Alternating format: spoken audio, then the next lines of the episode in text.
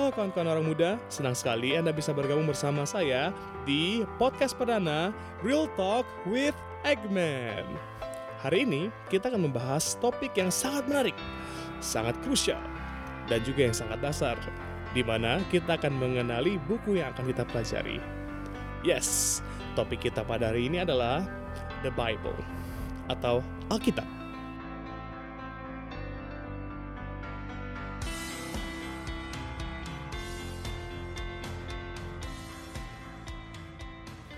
Sedikit fakta Alkitab ya, untuk kawan-kawan orang muda. Alkitab ini mempunyai 66 buku. Juga ditulis dengan 44 penulis yang diberikan ilham dari Allah. 39 buku merupakan perjanjian lama dan 27 merupakan perjanjian baru. Ditulis kurang lebih dalam kurun waktu 1500 tahun. Nah, Alkitab ini merupakan of course bagi orang Kristen adalah sumber dari segala pengetahuan akan Tuhan kita. Dan bukan cuma Tuhan, di dalam Alkitab juga banyak sekali tulisan-tulisan yang terinspirasi yang dapat mengubah kehidupan seseorang. Penuh dengan norma-norma positif dan membangun. Nah, itu adalah fakta saja guys. Tapi bagaimana dengan kita? Apakah kita sudah mempercayai bahwa Alkitab merupakan one of our soul authority atau bisa dibilang kita punya panutan kunci dari permasalahan-permasalahan kita. Apa kita sudah melihat Alkitab dengan how it has to be seen? Istilahnya, karena Alkitab itu merupakan kata-kata dari Tuhan, apakah kita sudah di impacted atau istilahnya merasakan kuasa daripada Tuhan? Itu adalah sesuatu yang saya bisa bilang pengalaman sendiri. Tetapi pada hari ini saya ingin membawa tiga elemen penting dari Alkitab. Nah, ini untuk the basis basic aja lah ya, supaya kita dapat lebih uh, istilahnya mengapresiasi Alkitab ini. Tiga elemennya adalah yang pertama function atau fungsi daripada Alkitab. Yang kedua adalah promise and truth. Istilahnya kita bisa melihat apakah Alkitab ini penuh dengan uh, apakah Alkitab ini juga merupakan kebenaran. Dan yang ketiga adalah authority atau dalam bahasa Indonesia-nya kuasa. Apakah Alkitab punya kuasa? Dan kuasa daripada Alkitab itu nyata. Nah, tentu saja kita harus membawa sebuah baseline atau sebuah peraturan penting untuk membaca Alkitab. Peraturan penting itu terdapat dalam 2 Petrus 1 ayat 20 sampai 21. Ayo kita buka Alkitab kita ke 2 Petrus 1 ayat 20 sampai 21. Berbunyi demikian. Yang terutama harus kamu ketahui ialah bahwa nubuatan-nubuatan dalam kitab suci tidak boleh ditafsirkan menurut kehendak sendiri. Sebab tidak pernah dibuat dihasilkan oleh kehendak manusia. Tetapi oleh dorongan Roh Kudus orang-orang berbicara atas nama Allah. Nah, ini sangat jelas ya dalam 2 Petrus 1 20 sampai 21. Jikalau kita ingin menafsirkan Alkitab, kita harus menafsirkan Alkitab itu from the Bible. Jadi from God to man, you have to take it from he himself. Istilahnya kita tidak boleh mencampuri apa yang Alkitab ini berusaha katakan, mengurangi apa yang Alkitab ini berusaha katakan, atau mau kita kali dan bagi. Kalaupun itu juga apply, applicable dalam Alkitab ya. Dan of course tidak mungkin ke istilahnya. Nah, sekarang kita akan masuk ke elemen pertama. Elemen pertama dari Alkitab adalah function atau fungsi. Apakah fungsi dari Alkitab itu? Kenapa Tuhan mengirimkan penulis-penulis ini untuk menulis Alkitab dan bahkan Yesus Kristus dan perjanjian baru kepada kita? Semua ini terdapat dalam 2 Timotius 3 ayat 16. Kalau kawan-kawan orang muda juga pernah dengar, ini merupakan memang uh, teks Alkitab yang paling sering digunakan untuk menjelaskan fungsi utama Alkitab. Nah, supaya kawan-kawan orang muda tahu, mari kita baca. 2 Timotius 3 ayat 16 berbunyi, Segala tulisan yang diilhamkan Allah memang bermanfaat untuk mengajar, untuk menyatakan kesalahan, untuk memperbaiki kelakuan, dan untuk mendidik orang dalam kebenaran. Jadi fungsi dari Alkitab adalah untuk mengembalikan manusia atau orang itu ke dalam kebenaran. Karena jelas-jelas dibilangkan di sini kan untuk mengajar, menyatakan kesalahan, memperbaiki kelakuan dan untuk mendidik orang dalam kebenaran. Jadi memang terkadang saya juga pernah dengar uh, kawan saya takut baca Alkitab karena katanya takut ketusuk-tusuk. karena jelas kan di 2 Timotius 16 mengatakan bahwa Alkitab juga untuk menyatakan kesalahan. Tapi apakah menyatakan kesalahan itu untuk membuat kita lebih jatuh? Oh, bukan. Karena kita bisa lihat dalam Kolose 3 ayat 8 sampai 10. Mari kita buka Alkitab kita ke Kolose 3 ayat 8 sampai 10. Ini adalah fungsi daripada Alkitab itu dan inilah sebenarnya objektif dari Alkitab. Tetapi sekarang, eh, saya baca Kolose 3 ayat 8 sampai 10. Tetapi sekarang, buanglah semuanya ini, yaitu marah, geram, kejahatan, fitnah, dan kata-kata kotor yang keluar dari mulutmu. Jangan lagi kamu saling mendustai, karena kamu telah menanggalkan manusia lama serta kelakuannya, dan telah mengenakan manusia baru yang terus-menerus diperbaharui untuk memperoleh pengetahuan yang benar menurut gambar kaliknya. Nah, kita bisa lihat kan guys, seluruh isi daripada uh, Kolose 3 ayat 8 sampai 10 itu sejalan dengan fungsi dari Alkitab. Karena of course God wants us to return to the true humanity that he created us. Sebenarnya manusia diciptakan untuk mencintai dan untuk dicintai. Akan tetapi karena dosa semuanya itu rusak dan hancur.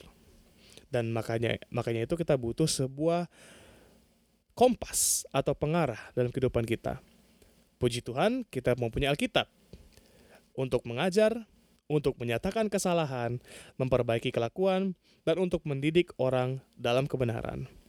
Ini merupakan fungsi pertama dari Alkitab, dan yang paling terutama adalah menunjukkan kita kepada Tuhan kita.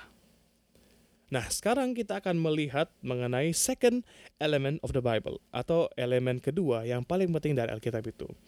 Di dalam Alkitab, elemen kedua adalah Alkitab itu penuh dengan kebenaran dan janji.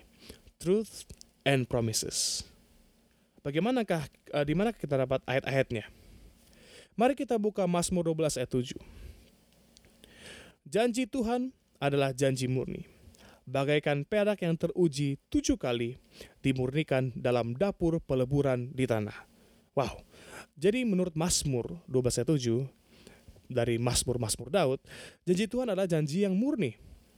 Istilahnya sudah teruji tujuh kali dimurnikan dalam dapur peleburan di tanah.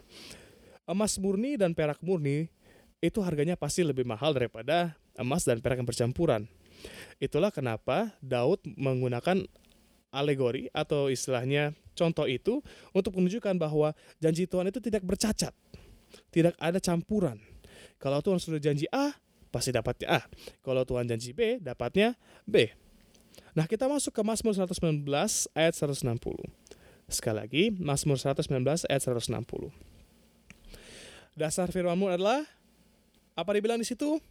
Kebenaran. Dan segala hukum-hukummu ada yang adil adalah untuk selama-lamanya. Jadi kita bisa lihat di sini bahwa Tuhan menyatakan dengan jelas bahwa dasar dari firman Tuhan adalah kebenaran dan segala hukum-hukum daripada Tuhan bahkan dibilang situ yang adil adalah untuk selama selama lamanya. Jadi kita bisa dapat tiga elemen juga dari sini uh, minor element. Alkitab uh, itu merupakan das dasarnya adalah kebenaran, keadilan dan untuk selama lamanya. Oh, selama lamanya bang. Maksudnya apa? Kalau kita lihat daripada prinsip-prinsip yang diajarkan Alkitab, itu tidak berlaku pada satu hari saja. Eh, prinsip-prinsip Alkitab berlaku sampai seumur hidup, bahkan sampai kedatangan Tuhan Yesus kedua kali, dan bahkan akan diaplikasikan juga nanti di surga sana. Oh yes, and be prepared, kita juga bakal mengadakan prophecy session, so just a little bit of promotion here. Oke, okay, sekian dulu promosinya. Kita lanjut. Mari kita buka Alkitab kita ke bilangan 23 ayat 19. Wah, ini agak keras ayatnya, tapi saya suka. Tuhan di sini berfirman, Allah bukanlah manusia, sehingga ia berdusta. Bukan anak manusia, sehingga ia menyesal. Masakan ia berfirman dan tidak melakukannya? Atau berbicara dan tidak dapat menempatinya? Wah, guys, siapa di sini yang pernah janji sama teman tapi nggak ditepetin? Alright. Atau istilahnya pinjam duit sama teman tapi belum bayar balik. Sampai-sampai dicari teman-temannya sampai sampai-sampai kamu juga nggak mau lihat teman kamu. Tidak demikian dengan Tuhan. Tuhan juga bukan manusia. Jadi ia juga tidak bisa berdusta dan bahkan tidak bisa menyesal. Jikalau ada hal-hal yang uh, kawan-kawan orang muda ingin tanyakan kepada Tuhan, silahkan berdoalah kepada Tuhan. Dan di sini kita bisa lihat dengan jelas bahwa Tuhan menyatakan bahwa dia itu beyond human atau supernatural. Dan kita bisa melihat bahwa Tuhan berjanji di sini. Tidak ada yang Tuhan tidak dapat tepati dari janjinya. Nah, sekarang kita pergi ke, Yohanes 17 ayat 17. Apakah firman dan kebenaran bersatu? Oh tentu. Dalam Yohanes 17 ayat 17 dikatakan, Kuduskanlah mereka dalam kebenaran firman adalah kebenaran. Wow, sekali lagi kuduskanlah mereka dalam kebenaran. Firmanmu adalah kebenaran. Jadi Alkitab ini memang isinya adalah kebenaran dan janji-janji yang baik. Salah satu janji yang paling dihafal sama kawan-kawan saya dan kawan-kawan orang muda juga saya harap adalah Yeremia 29 ayat 11 mengenai rancangan-rancangan Tuhan di masa depan. Nah, ini sangat bagus karena kalau Tuhan sudah berjanji dalam Yeremia 29 11, mana mungkin dia akan mengingkarinya. Sama seperti tadi yang ditulis di bilangan 23 ayat 19. Jadi saudara-saudara kawan-kawan orang muda juga bisa terus percaya kepada Alkitab. Karena Alkitab ini merupakan buku yang penuh dengan truth and promises. Nah, sekarang kita masuk ke elemen ketiga. Apakah elemen ketiga yang paling mencolok daripada Alkitab? Elemen ketiga yang paling mencolok adalah authority atau kekuasaan. Uh, yang sangat menarik dari Alkitab adalah memang betul ada 44 penulis yang menulis Alkitab. Akan tetapi, semua yang mereka tuliskan tidak berasal dari mereka sendiri. Yes, memang style mereka ber, menulis berbeda dari satu dan yang lainnya atau cara mereka mengekspresikan suatu uh, narasi berbeda daripada satu dan lainnya tapi tetap kita bisa melihat traces of authority atau istilahnya ke, uh, tanda tangan Tuhan kekuasaan Tuhan di dalam seluruh ayat-ayat Alkitabnya yang paling mencolok mari kita buka ke Yohanes 1 ayat 1 sampai 5 Sekali lagi, Yohanes 1 ayat 1 sampai 5 berbunyi, Pada mulanya adalah firman. Firman itu bersama-sama dengan Allah, dan firman itu adalah Allah. Wow, menarik ya. Ia pada mula ayat 2, ia pada mulanya bersama-sama dengan Allah. Segala sesuatu dijadikan oleh dia, dan tanpa dia tidak ada suatu pun yang telah jadi dari segala yang telah dijadikan. Dalam dia ada hidup, dan hidup itu adalah terang manusia. Terang itu bercahaya di dalam kegelapan dan kegelapan itu tidak menguasainya. Jadi kita bisa lihat di sini dalam Yohanes 1 ayat 1 sampai 5. We can see the clear authority atau origin misalnya kita bisa bilang uh, asal muasal dari daripada firman. Firman itu berasal dari Allah dan Allah sendiri. Pada mulanya firman itu bersama dengan Allah. Dan kita sudah tahu menurut Yohanes 1 ayat 1 sampai 5 ini siapa kira-kira firman itu? Firman itu adalah Yesus. Yesus sendiri telah datang ke, ke, ke bumi ini dan menjadi firman yang hidup. Dan kita bisa lihat itu dalam buktinya di Yohanes 1 ayat 1 sampai 5. Dan kita bisa melihat dengan jelas di sini bagaimana Yohanes menjelaskan menurut ilham Allah bahwa firman itu satu dengan Yesus. Jadi seluruh kelakuan Yesus adalah firman. Dan kita bisa lihat kalau misalnya kita menelusuri seluruh perjanjian baru dari Matius sampai Yohanes lagi, kita bisa melihat bahwa seluruh kelakuan uh, seluruh ministry atau seluruh pelayanan Yesus di bumi ini tidak ada satupun yang melenceng dari Alkitab. Jadi jikalau kita percaya kepada Alkitab, kita percaya kepada Yesus. Seharusnya seperti itu. Karena seluruh Alkitab dari dari kejadian sampai dengan wahyu itu berbicara hanya dengan tentang satu orang. Kita berbicara mengenai of course di dalam janji lama ada juga yang namanya temple services. Kita akan adakan seri temple services as soon as possible mengenai uh, bait Allah bagaimana kita harus mereka harus mengorbankan seorang do, se, seekor anak domba dan di, kita juga bisa lihat koneksinya di perjanjian baru di mana Yesus adalah anak domba yang disembeli itu. Jadi seluruh Alkitab ini dari kejadian sampai wahyu cuma berbicara tentang satu orang. Yesus Kristus, Allah kita. Jadi memang betul firman Allah ini mempunyai kuasa. Karena Tuhan sendiri adalah firman Allah. Jikalau kita mau melihat Tuhan atau bertemu dengan Tuhan atau mau hidup bergaul dengan Tuhan sama seperti Henok, kita harus baca firman Allah ini. Wah, menarik ya saudara-saudara sekalian dan kawan-kawan orang muda. Next, kita baca Ibrani 4 ayat 12. Ibrani 4 ayat 12 mempunyai tone atau nada yang lebih tegas. Bunyinya demikian. Ibrani 4 ayat 12. Sebab firman Allah hidup dan kuat dan lebih tajam daripada pedang bermata dua mana pun. Ia menusuk amat dalam sampai memisahkan jiwa dan roh, sendi-sendi dan sumsum. Ia sanggup membedakan pertimbangan, maaf, dan pikiran hati kita. Wow. Jadi firman Tuhan itu kalau kalau tadi kita bisa ikuti contoh kawan orang kawan-kawan saya ketika mereka mendengar khotbah terus mereka terus tertusuk-tusuk ya betul memang. Saya juga sendiri kadang-kadang tertusuk-tusuk lah istilahnya. Kita kalau kita mendengar pendeta berkhotbah dan kita bisa connect sekali ya uh, dengan apa yang dikatakan itu pasti seperti ada yang rasa memanggil kayak sakit di dada itu. Karena memang betul menurut Ibrani 4 ayat 12 di layak uh, firman Allah itu layaknya pedang bermata dua. Tetapi bukan hanya pedang bermata dua mana pun. Ia juga sangat tajam sampai-sampai memisahkan jiwa dan roh. Nah, kenapa di sini ada tulisan mengenai ia sanggup membedakan pertimbangan dan pikiran hati kita? Kalau saya mau memberikan rephrase atau istilahnya menafsirkannya, kita bisa lihat bahwa pertimbangan itu berarti dalam bahasa Inggris wisdom atau akal budi dan pikiran hati kita itu adalah our own thoughts atau istilah kita punya keinginan daging. Ibrani 14 sebenarnya menuliskan mengenai bagaimana Alkitab ini mempunyai kuasa untuk membedakan, membelah antara hikmat dan juga keinginan hati manusiawi kita. Alkitab punya kuasa untuk menunjukkan bahwa jalan kita benar atau salah.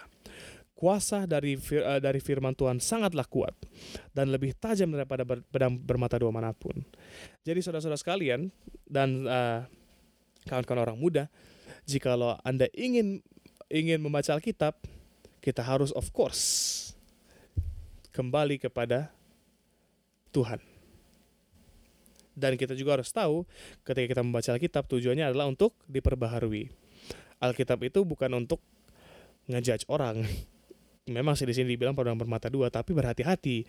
Pedang bermata dua itu bisa menyerang musuh, iya, tapi bisa juga memotong Anda sendiri. Jadi memang Alkitab ini sangatlah kuat. Dan kita bisa lihat otoritinya di sini. Tetapi apakah baca Alkitab atau menghafal ayat-ayat banyak atau istilahnya pandai menafsirkan itu sudah cukup? Apakah dengan membaca Alkitab kita sudah men, sudah menjadi selamat dan sudah pasti masuk kerjaan surga? Bagaimana kalau saya katakan tidak? Apalagi yang dibutuhkan selain membaca Alkitab?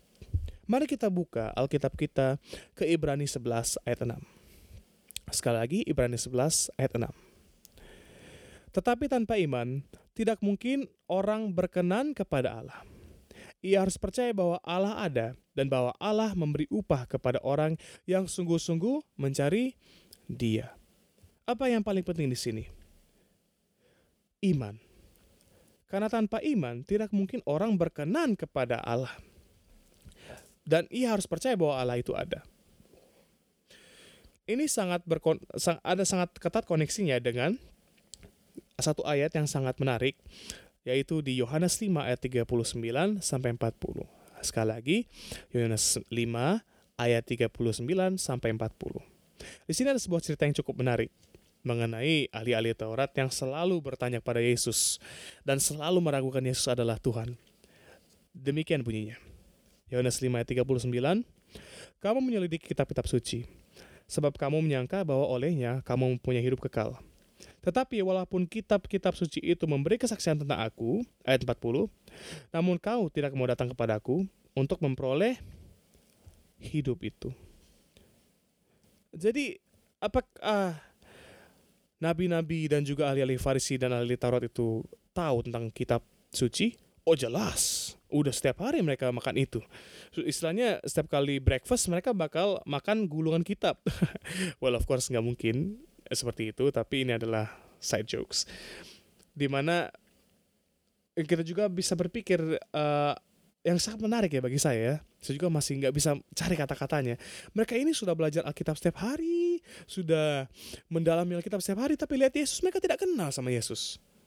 Makanya itu di sini dibilang, kamu menyelidiki kitab-kitab suci, sebab kamu menyangka bahwa olehnya kamu punya hidup yang kekal. Tetapi walaupun kitab-kitab suci itu memberi kesaksian tentang aku, namun kamu tidak mau datang kepadaku untuk memperoleh hidup itu. Jadi jelas ya di sini ya. Tanpa iman kepada Yesus, tanpa kita mendekatkan diri kita kepada Yesus, tidak mungkin untuk kita menjadi sempurna dalam kekristenan kita. Nah, sekarang kita akan melihat Ibrani 11 ayat 1, in, apakah definisi iman yang sejati itu? Ibrani 11 ayat 1 berbunyi, Iman adalah dasar dari segala sesuatu yang kita harapkan, dan bukti dari segala sesuatu yang tidak kita lihat. Jadi, no picture hoax kalau soal kitab itu tidak apply karena jelas sini ditulis bahwa iman adalah dasar dari segala sesuatu yang kita harapkan. Dan bukti dari segala sesuatu yang kita tidak kita lihat. Nah, tentu saja of course kita harus berlatih. Mempunyai iman kepada Tuhan dan membaca Alkitab itu tidak jadi dalam satu malam. Ibaratnya seorang pelari yang akan bertanding. Tidak akan berlatih semalam sebelum pertandingan dan apakah mungkin kita mengubah kebiasaan kita dalam hitungan jam ataupun satu hari? Tidak mungkin kan, kawan-kawan orang muda? Baiklah, kita sudah sampai kepada penghujung podcast kita. Dan of course, saya harap kawan-kawan muda juga telah belajar hal baru dan juga telah diberkati. Nah, summary daripada podcast kita hari ini adalah Alkitab merupakan sebuah buku dengan kuasa supernatural yang dikirimkan Tuhan untuk menuntun kita kepada kebenaran dan sarana kita mengenal sang penulis firman itu sendiri. Baiklah kawan-kawan orang muda, sekian dulu topik kita pada hari ini. Jangan lupa untuk membaca dan berdoa setiap hari. Jikalau kawan-kawan orang muda juga mempunyai saran, masukan, ataupun pertanyaan, silahkan kirimkan email ke eggmanpodcast at gmail.com. Sekali lagi, eggmanpodcast at gmail.com. Dan jangan lupa untuk follow Instagram kita at eggmanpodcast. Baiklah, this is Eggman signing off dan Tuhan Yesus memberkati. Have a great day guys. Bye-bye.